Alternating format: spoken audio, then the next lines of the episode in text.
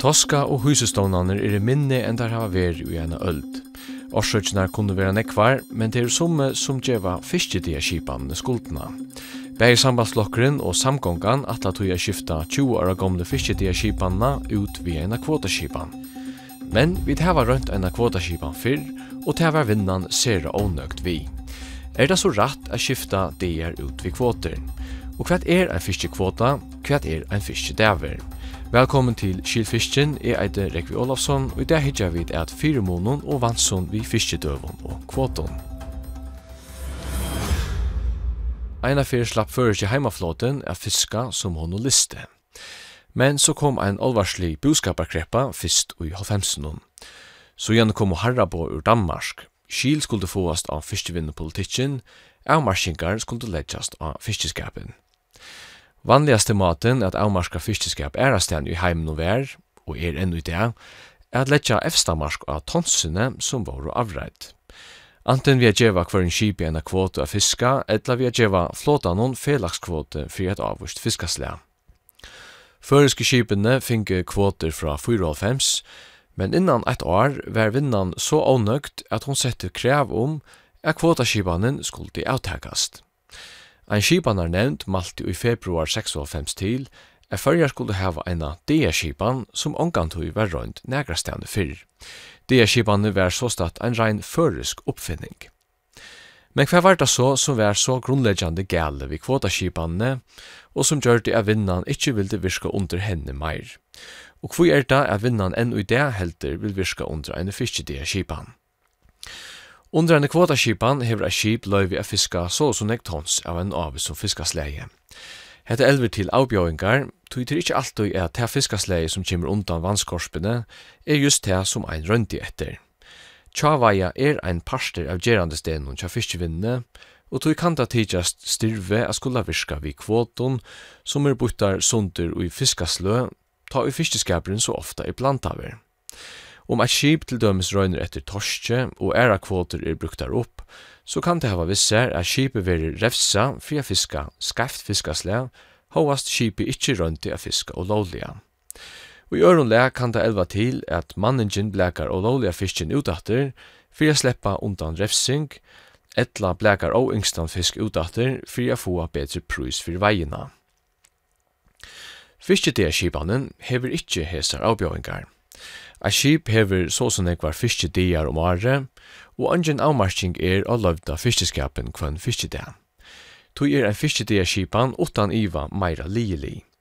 For jeg sier det som det er, så er fiskedia skipanen minne roksot tja fiskevinnja virka under, og minne roksot tja fiskevei myndelaikon at heva etterlid vi. Men hvordan ber det så til at fiskeskaperen hever vært så vanaligir så jan fiskedia skipan kom i gilde? Til ilt a sia om fyrstedia skipanen ensamöll er atvolden til vanaliga fyrsteskapen, tog naturviskiftene og i føreskun sjåøtje heva sambart havstovne veri sérstøk seinaste årene.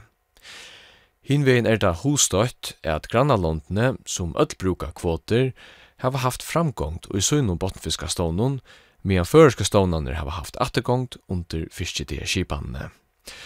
Eit anna som talar fyrir kvoton er at først uppsjóvarfiskeskaperen og botnfiskeskaper i utlendskum sjekve røynest vel, og at hessen fiskeskaper er avmarskar vi kvoton. Det kan eisne vera at fiskedegskipane vera skarft skrua saman fra byrjan, som bæg i havstovan og fiskevinnen nuskipanar nevntin av vustovan. Undertøka vær fyrir degskipane i sunnetøy, tog store vøkster hei veri ui toskastånden, miskais og i halvfemsenon. Stoner var sera vel fyrre, ta i skipanen kom i gilde 1. januar 1925. Skipanar nevnten malte til at samleia tale av fisketøvun skulle være ala i 14.000 fyrir utråra flåta. Men etter politiska tingingar og ötta fyrir a gjerra og stor intriv i fiskevinna, hakka i løgtingi fisketia tale til 22.000. Sambars nyskipanar nevntene var skipanen tog skreft stilla fra byrjan. Og politiske overvanen at ignorera lovfrøylig tilmæle fyrir ikkje gjerra seg inn av AHA-malen i vinnene, han held fram. Sambart fyrir rannsøknarstovne og altjåa havgranskikarstoven ISIS var vei trusti alt og størst fyrst og årene etter at DEA-kipan kom i gilde.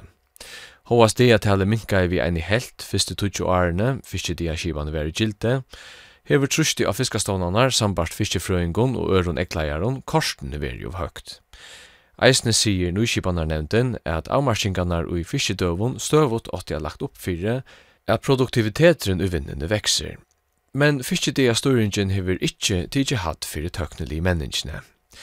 Avværingen ljóa er at hetta kunde få værande avlæingar fyrir botfiskastónanar i fyrjun. Og som held hever stånsrøkten av botfiske, selja torsk og huse under fiskedea skipanne ikkje etnast vel. Sambart havstovne er det ikkje lukka latt at styra veietruskjennom vid døvun.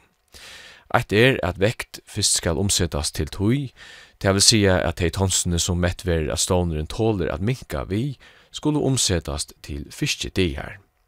Eit anna er at havstovan sujan 2004 hever malt til stora nyeskor i døvnun, men at løgtinge omgant hever fyllt til melnun.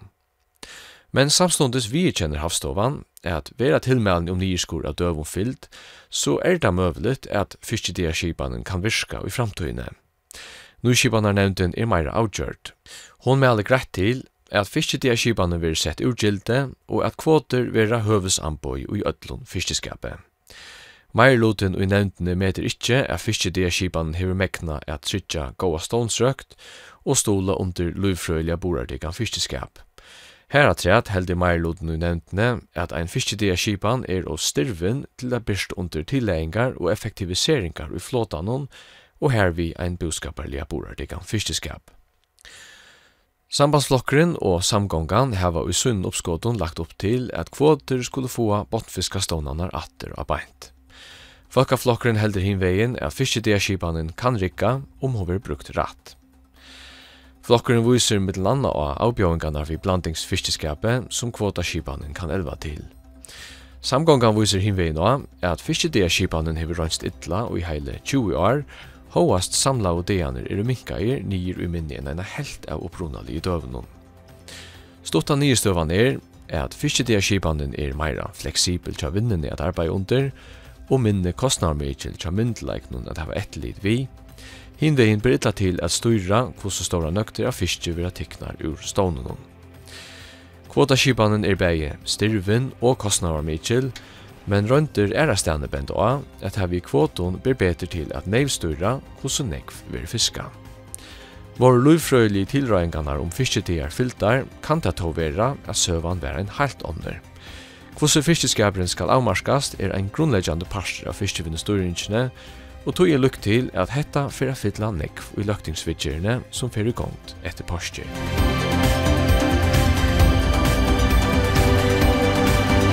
Hetta var det vi høttu i Kylfiskjen hesa fer. Nasta sending verur mikidagen klokkan 20 minutter iver holgun eit. er verur eisen tøkar av heimasugene kvf.fo framskak fisk og som podcast.